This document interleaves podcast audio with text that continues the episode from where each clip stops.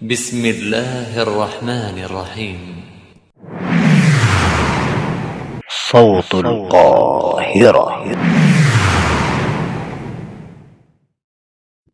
Bismillah. Assalamualaikum warahmatullahi wabarakatuh. Assalamualaikum warahmatullahi wabarakatuh.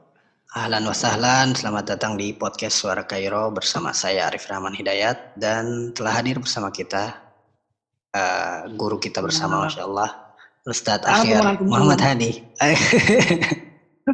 Ada teman antum semua. Iya, ketika ketika berkawan dengan guru itu memang uh, tingkatan yang paling apa ya, yang paling indah dalam belajar, gitu. Tidak masalah, alhamdulillah. Uh, sebenarnya sih gini, sebenarnya sih aku nggak pernah memposisikan diri anu sebagai orang yang lebih tahu ya. Hmm. Karena aku senang senang ngobrol sama siapa aja. Hmm. Sama siapa aja. Karena anu ngobrol sama antum, kadang ngerasa ngerasa diri tuh lebih muda hmm. lagi gitu.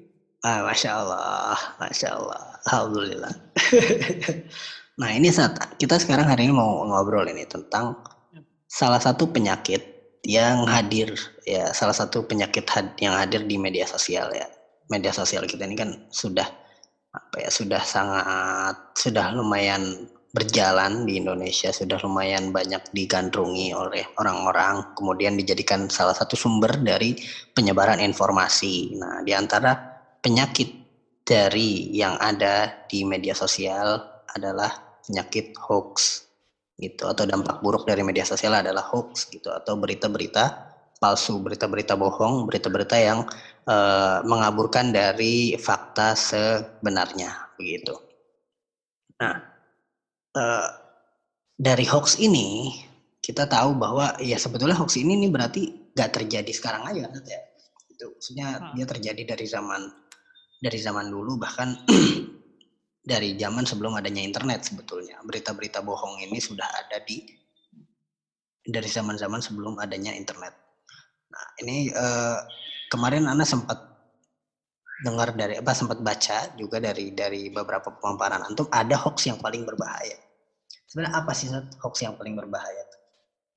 Jadi gini Zat, hoax itu kan sebagaimana yang kita tahu kan merupakan bahasa yang baru Zat ya.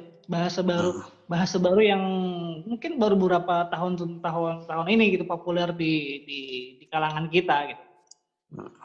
Uh, sebenarnya isu ini anak angkat karena melihat uh, betapa mudahnya orang-orang itu di sosial media itu menemukan hal-hal yang uh, keliru atau hal-hal yang tidak tidak benar.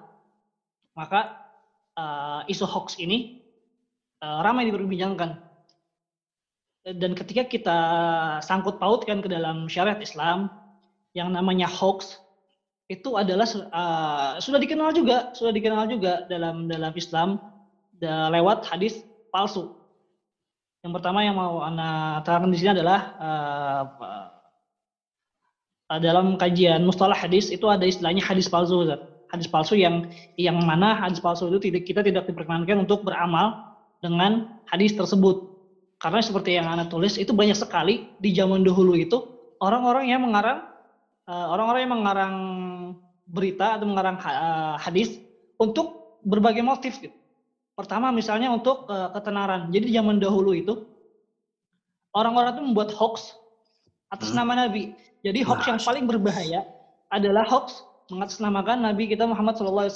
Karena Rasulullah SAW bersabda, man, uh, man kazaba alayya muta'amidan falyatabawwa maq'aduhu.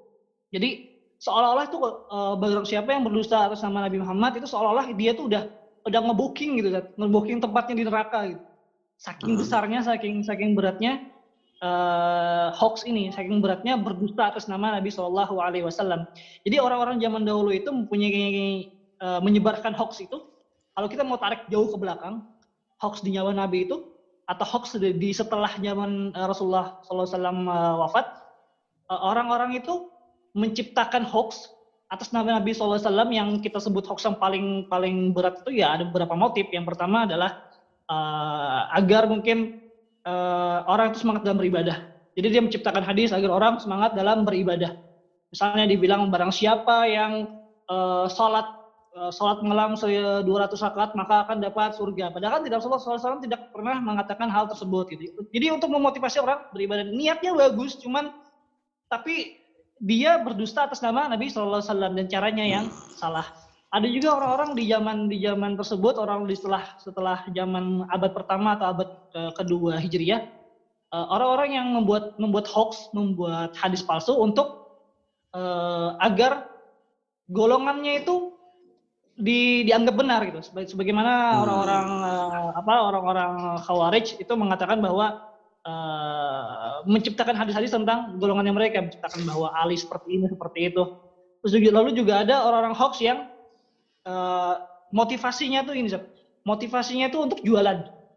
Hmm. motivasinya itu untuk jualan. Misalnya dia bikin hoax biar dagangannya laku misalnya.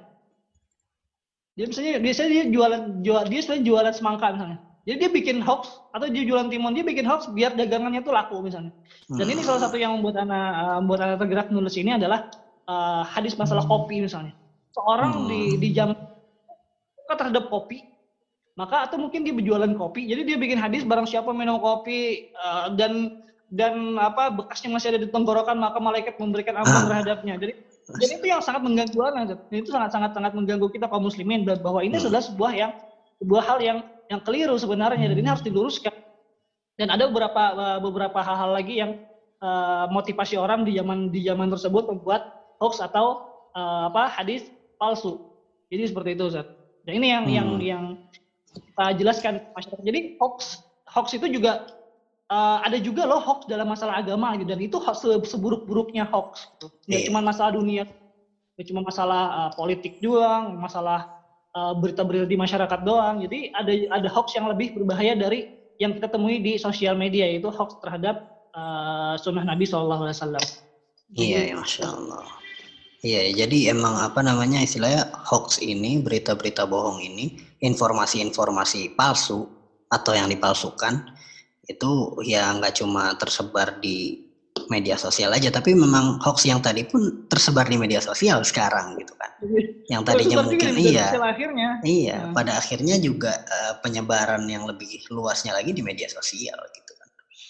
Ya, seperti kayak tadi ya tentang kopi ya, ya kita juga mungkin ya sedikit lewat lah atau mungkin hari-hari ini kan banyak juga orang-orang yang membuat format fo- informasi itu kan semakin beragam ya ada yang mungkin lewat audio mungkin lewat video atau mungkin sekedar poster gitu kan. Nah ini kan juga ba- ba- banyak dan apa namanya sebuah hal yang memang perlu kehati-hatian di situ. Kayak kemarin awal-awal corona kan sempat yang eh, umatku yang ter- eh, terhindar dari dari virus adalah mereka yang menjaga apa terhindar dari taun ya yang mereka yang menjaga wudhunya. Nah ini kan ada niat baik kan gitu. Tapi kan ini hoax gitu. Dan ini berbahaya Iya, karena betul, betul. Heeh, karena kan ancaman besarnya adalah ya anda tapi berbohong atas nama nabi gitu. Niatnya baik tapi ini ada ada keburukan yang bahkan lebih besar daripada niat baik itu gitu.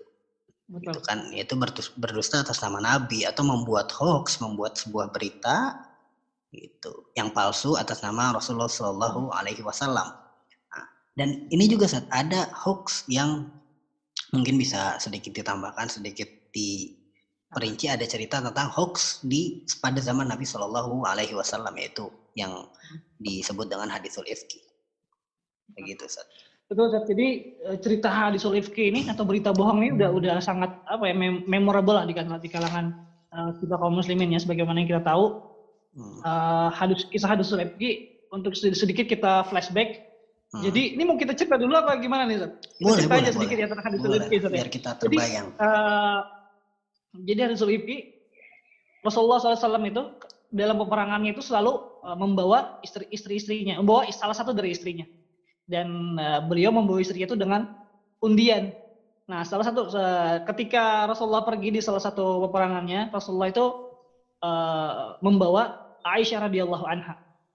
Jadi Aisyah radhiyallahu anha di, di, di- diajak ke peperangan. Setelah pulang dari peperangan, eh, para kaum muslimin itu singgah di sebuah eh, tempat.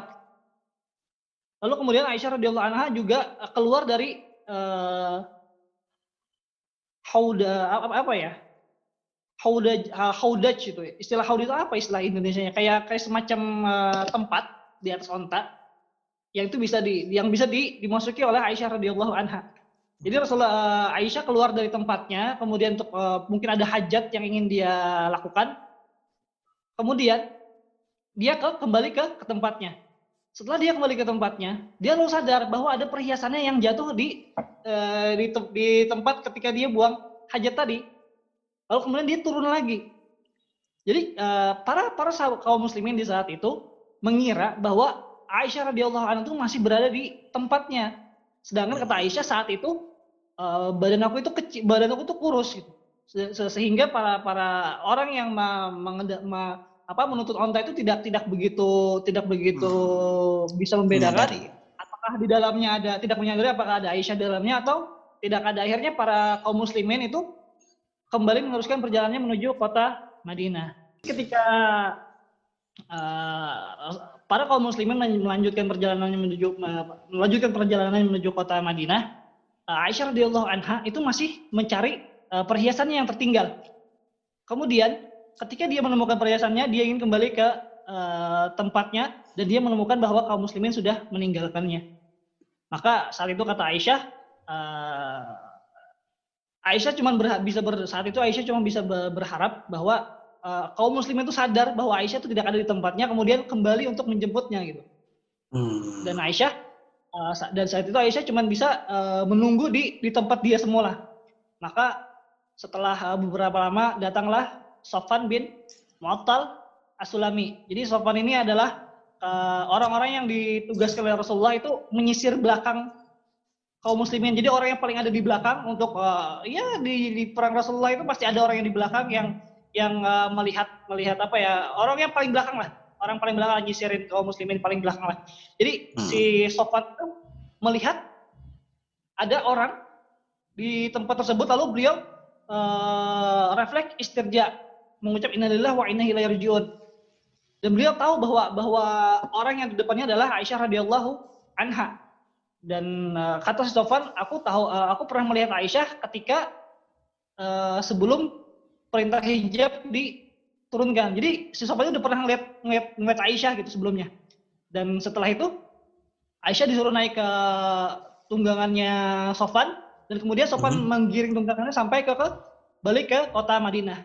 Jadi tengah jalan itu ya ketemu uh, banyak dilihat oleh uh, kaum muslimin. Salah satunya adalah pe- pembesarnya orang munafik Abdullah bin Ubay bin Salul, udah terkenal gembong munafik Hmm. yang melihat bahwa Aisyah itu di diantar pulang oleh si Sofan.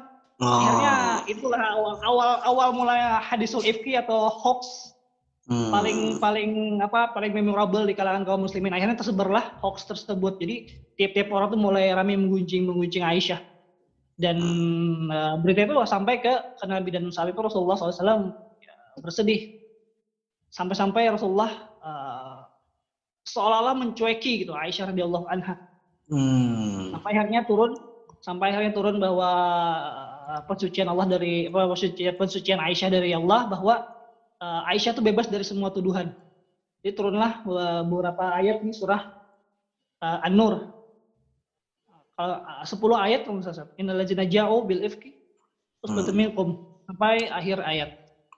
Jadi di- apa di, di di momen itu Allah mensucikan Aisyah dari segala eh, bentuk-bentuk hoax yang terjadi di kalangan eh, kaum muslimin gitu. Karena beri- berita hoax ini udah menye- menyebar bahkan sampai eh, hoaxnya itu sampai di apa ya dibicarakan juga oleh eh, Mistah bin Usasah. Jadi ada Mistah bin Usasah itu sepupunya atau karibnya Abu Bakar. Jadi bayangan Abu Bakar adalah orang tuanya Aisyah radhiyallahu anha. Jadi Hmm. sepupunya Abu Bakar atau karib kerabatnya itu sampai termakan termakan isu apa isu Hoax ini. Hoax ini gitu. Akhirnya saking kesalnya Abu Bakar, saking kesalnya Abu Bakar sampai sampai Abu Bakar itu bersumpah bersumpah untuk tidak lagi ngasih eh, ngasih ngasih ngasih santunan terhadap si eh, Mistah bin Usasah ini. Karena kita Hmm. tahu bahwa Mistah ini kan eh, orang muhajirin yang mana beliau itu di, dikasih santunan terus oleh di, di- diberi terus eh, harta oleh Abu Bakar dan sampai segitu segitu kesalnya Abu Bakar terhadap terhadap eh, Mistah bin Usasah sampai-sampai Abu Bakar itu bersumpah bahwa beliau tidak akan eh walayatali ulul fadli minkum itu Ustaz lanjut ayatnya walayatali ulul fadli minkum jadi janganlah orang-orang yang diberikan Allah fadilah eh, Hmm. kelebihan untuk bersumpah bahwa tidak akan memberikan hartanya Ya. Falyafu yasfahu dan hendaklah dia uh, falyafu memaafkan dan yasfahu berlah. Ya, gitu. Jadi. Abu Bakar juga ditegur oleh Allah ketika Aisyah sudah disucikan dari segala tuduhan hoax. Abu Bakar juga yang sebelumnya juga telah bersumpah kan wajar seorang ayah ketika anaknya Hmm. difitnah kalau terhadap terhadap eh, keluarganya bahwa dia bersumpah bahwa nggak bakal lagi ngasih ngasih ngasih apa santunan terhadap si Mistah bin Usasah ini. Tapi Hmm. akhirnya Abu Bakar juga bahwa janganlah orang-orang yang memiliki apa memiliki ke, keluasan Kelebihan. hartanya apa bahwa tidak akan memberikan uh, infak lagi gitu. Jadi ini salah salah satu banyak faedah yang kita bisa ambil dari ayat ini bahwa uh, ini anjuran anjuran kita untuk tetap be- bersedekah, anjuran kita untuk tetap berinfak, terus juga anjuran kita untuk memaafkan. Karena ya ini hoax ini udah udah menyebar gitu dan dan mereka juga mereka juga apa ya? Mereka juga termakan oleh hoax ini gitu dan Allah sudah sudah memberikan uh, apa ya memberikan keterangannya bahwa Aisyah radhiyallahu anha bebas dari semua tuduhan yang dituduhkan oleh uh, dedengkotnya kaum munafik Abdullah bin Ubay bin Salul gitu. Ustaz. Ini sejarah ringkas saja. tuh. Masya Allah. Iya jadi intinya bahkan keluarga Rasulullah Shallallahu Alaihi Wasallam, bahkan istri Rasulullah itu tidak lepas dari eh, apa ya fitnah-fitnah orang-orang yang dengki, kemudian orang-orang yang mungkin eh, dalam hatinya ada penyakit sehingga ada hoax yang dihempaskan gitu dan dampaknya cukup besar gitu sampai Rasulullah bisa mendiamkan Aisyah itu kan dampak dari berita-berita hoax ini gitu kan dan ya itulah juga yang hari-hari ini juga berita-berita bohong itu yang mungkin memecah kita atau membuat eh, dampak-dampak buruk pada masyarakat kita gitu. Yang ini udah contohnya udah besar gitu ya. Tapi kan ya alhamdulillahnya hoax ini bisa teratasi dengan adanya ya eh, ayat yang memang eh, istilahnya menengahi gitu, sudah menjelaskan semuanya gitu. Kan kalau Dan itu bisa bisa jadi bisa jadi uh, acuan kita juga sih. Jadi ketika kita uh, mendapat hoax di zaman sekarang, ketika kita mendapat hoax di zaman sekarang yang berkaitan tentang agama kita, maka ya solusinya adalah kita dengan kita kembali ke Al-Qur'an, kembali dengan Hmm. kembali ke sunnah Nabi gitu, kembali ke uh, klarifikasinya itu langsung dari dari ayat dan dalil gitu. Mhm, Jadi zaman iya. sekarang masya Allah dengan semua kemudahan yang kita bisa akses dan masya Allah semuanya itu lebih lebih mudah zaman sekarang kita bi- bisa mengakses uh, Al-Quran, tafsirnya dan buku-buku para ulama itu sudah tersedia tersedia uh, di mana-mana gitu. Dan hadis juga kita bisa mengecek hadis tersebut gitu. Jadi hoax di masa di zaman sekarang itu mungkin bisa lebih mudah untuk kita kita cari uh, apa klarifikasinya gitu. Tinggal Hmm. bagaimana seberapa jauh kita mau belajar untuk itu. Hmm, iya, iya, iya. betul betul, masya Allah ya. Iya Sat. Nah kalau misalnya bag, eh, gimana ya saran-sarannya atau masukannya untuk para pengguna internet, masyarakat pada umumnya dan kaum muslimin agar terhindar dari hoax, terutama ini hoax dalam urusan agama, hoax-hoax atas nama Nabi ini, gitu kan? Contohnya Kalau kayak hoax tadi dan- menghindari menghindari menghindari atau cara mengidentifikasi mengetahui tentang hadis palsu atau sesuatu yang uh, palsu yang mengatasnamakan agama.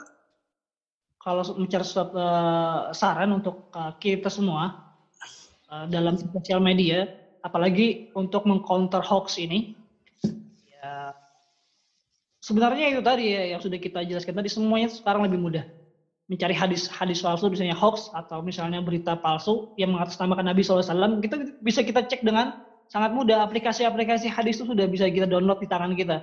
Berbeda dengan orang-orang di zaman dulu mungkin yang ingin mencari satu hadis itu harus berjalan dari ribuan kilo berbulan-bulan untuk dapat satu ilmu. Kita masya Allah sekarang tinggal buka handphone. Kalau kita ingin mencari sesuatu hadis kita tinggal kita cari ini hadis ini derajatnya apa yang ngeluarin siapa ataupun kalau masalah ada hal-hal yang berkaitan dengan eh, hal-hal yang mungkin tidak bisa kita tidak kita pahami kita bisa kita lihat dari eh, tulisan-tulisan para para ustadz kita tentang hal tersebut gitu. Dan semuanya itu udah udah tersedia gitu. Tinggal kita mau tinggal kita mau menelan berita ini mentah-mentah atau kita saring dulu gitu. Itu sih sebenarnya kuncinya. Ini berita mau kita Hmm. langsung kita tel apa kita kunyah dulu gitu. Soalnya mau Hmm. kita kita dulu apa langsung kita langsung kita telan gitu Hmm.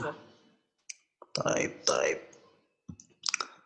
Nah, kemudian tadi saat kalau identifikasi eh, apa ya ada ada nggak apa namanya patokan dari ulama untuk bisa setidaknya mengidentifikasi hadis yang palsu apa merujuknya ke kitab yang mana atau adanya di kitab sahih yang mana atau bagaimana itu?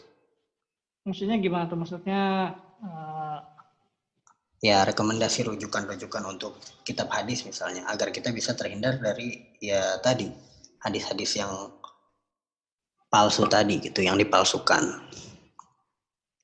tinggal kayak sekarang udah udah deh kayaknya ada aplik ada ada aplikasi hadis-hadis palsu deh. Jadi misalnya kita menemukan sebuah hadis. itu- Hadis itu biasanya hadis palsu itu adalah hadis yang memang sudah sudah tersebar gitu di masyarakat. Kita tinggal nyocokin aja karena ada ada memang ada sudah ada kitabnya di, di Ana lupa nama nama kitabnya. Ada di Ana yang pernah pernah download di di di Play Store atau uh, App Store. Itu ada akumulasi Hmm. hadis palsu. Dan biasanya hadis-hadis palsu yang tersebar di masyarakat tuh ya itu-itu aja gitu. Kecuali sekarang Hmm. nambah lagi kita kan kurang paham. Dan masya Allah, hadis sekarang kan ya keluar Bukhari, Muslim atau uh, hadis riwayat Ahmad kan bisa kita akses semuanya dengan Hmm. Key- keywordnya. Yang penting kita keywordnya tahu, kita bisa menelaah hadis tersebut gitu. Dan itu insya Allah Iya. udah banyak sekali gitu yang bisa kita kita cari. Gitu. Dan Baik. itu salah satu kemudahan kita di zaman sekarang sih. Kemudahan kita di zaman sekarang ya itu. Tinggal kita bagaimana mau memanfaatkan teknologi ini dengan sebaik-baiknya. Gitu. Baik, Itu tadi sih tinggal kita mau ini kita mau ikhtiar lagi nggak, mau usaha lagi nggak itu? Mau apa? Mau ribet lagi, ribet dikit lagi nggak? Ya kalau nggak mau ribet, Hmm. tinggal pengen nyantai-nyantai doang ya udah dapat ketem- ketemu hadis, ketemu ketemu dalil, ya udah kita nggak nggak apa ya nggak ngecek nggak cross check lagi gitu. Ya udah ini kita sebar makanya step yang kita dapat tuh ya harus kita kita cek dulu kan Hmm. harus kita telah dulu gitu nggak bisa langsung kita nggak bisa langsung kita sebar gitu apalagi bahkan anak pernah baca anak pernah- kemarin ada kasus teman ngirim sebuah hadis yang makna hadisnya tuh kayak bertentangan dengan eh, hadis-hadis atau ayat Al-Quran yang lain gitu. Anak lupa Hmm. ini udah udah agak lama ngirim, eh, ngirim DM itu hadis ada ada sebuah meme hadis anak lupa hadisnya pokoknya hadis itu agak sedikit bertentangan eh, banyak bertentangan terhadap hadis-hadis yang lain itu riwayatnya riwayat Muslim. Dia mencantumkan riwayat Muslim. Muslim. Oh, eh, iya. Jadi si penanya ini nanya ke Ana, Ana bilang sebentar, Ana, Ana, buk, Ana, Ana carikan eh, kitabnya kan, Ana juga ada punya Sahih Muslim eh, fisiknya Ana punya di internet juga ada. Ana cari di kan Sahih Muslim itu ada ada dua ada dua apa ya ada ada yang eh, apa penyusunan itu ada dua gitu. Jadi eh, nomor hadis yang dia cantumkan itu nggak ada di di di kitab-kitab hadis gitu. Dia kalau nggak salah Hmm. ngasih apa ngasih nomor apa ya? Pokoknya nomor yang dia kasih nomor urutan hadisnya itu tidak ada di kitab-kitab hadis. Jadi Hmm. Orang entah mungkin orang-orang kufar atau orang-orang munafik atau orang-orang yang lain. Dia membuat suatu hadis dan dia mencantumkan riwayat Muslim di hadis tersebut gitu. Hmm, Dan orang-orang memang eh, malas mencari atau orang yang orang awam itu enggak terlalu peduli dengan dengan dengan eh, check and recheck gitu. Ngelihat Iya. muslim, sahih muslim, dikira oh iya nih sahih muslim udah udah pasti benar gitu. Padahal Iya. zaman sekarang itu sangat sangat rawan juga karena ya itu mungkin musuh-musuh Islam punya punya agenda-agenda tersendiri dalam masalah itu dan ketika anda dicari sahih muslim tuh nggak ada hadis yang hadis yang dicantumkan tersebut. gitu. Masya Karena lupa kalau udah udah udah agak lama sih.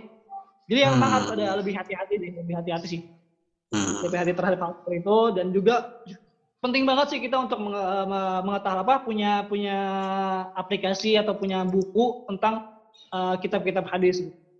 Itu penting Hmm. sekali insya Allah. Masya Allah. Kan- atau ada ensiklopedia hadis. Anda bisa ada udah download juga itu. Itu masya Allah eh, apa mufid insya Allah. Jadi kita tinggal nulis eh, nulis keywordnya atau misalnya kata yang dicari misalnya apa. Kita nulis zakat misalnya. Di sana sudah ada runutannya masalah zakat ya Abu Daud dari Bukhari Muslim. Masya Allah bagus ensiklopedia hadis itu bisa salah satu aplikasi yang harusnya ada di HP di handphone handphone kaum muslimin. Karena itu memang jadi jadi, jadi bisa jadi rujukan gitu. Adapun masalah hadis yang mungkin belum bisa dipahami ya bisa ditanyakan ke misalnya menemukan sebuah hadis gitu yang belum bisa paham maknanya ya bisa ditanyakan ke, ke ustadz-ustadz atau orang-orang yang lebih mengerti. Yang jelas kita udah punya punya apa ensiklopedianya lah, udah punya udah punya hadisnya gitu. Itu penting sekali insya Allah. Bisa di download insya Allah ensiklopedia hadis. Baik, baik. Masya Allah, jazakumullah khairan Ustaz atas sharingnya. Semoga uh, diberkahi segala urusannya. Kemudian semoga kita semua juga yang mendengarkan dan yang menyimak bisa terhindar dari segala hoax, terutama hoax atas nama Rasulullah SAW dan hoax-hoax yang ada dalam agama ini. Barakallahu fikum wa jazakumullah khairan. Wassalamualaikum warahmatullahi wabarakatuh.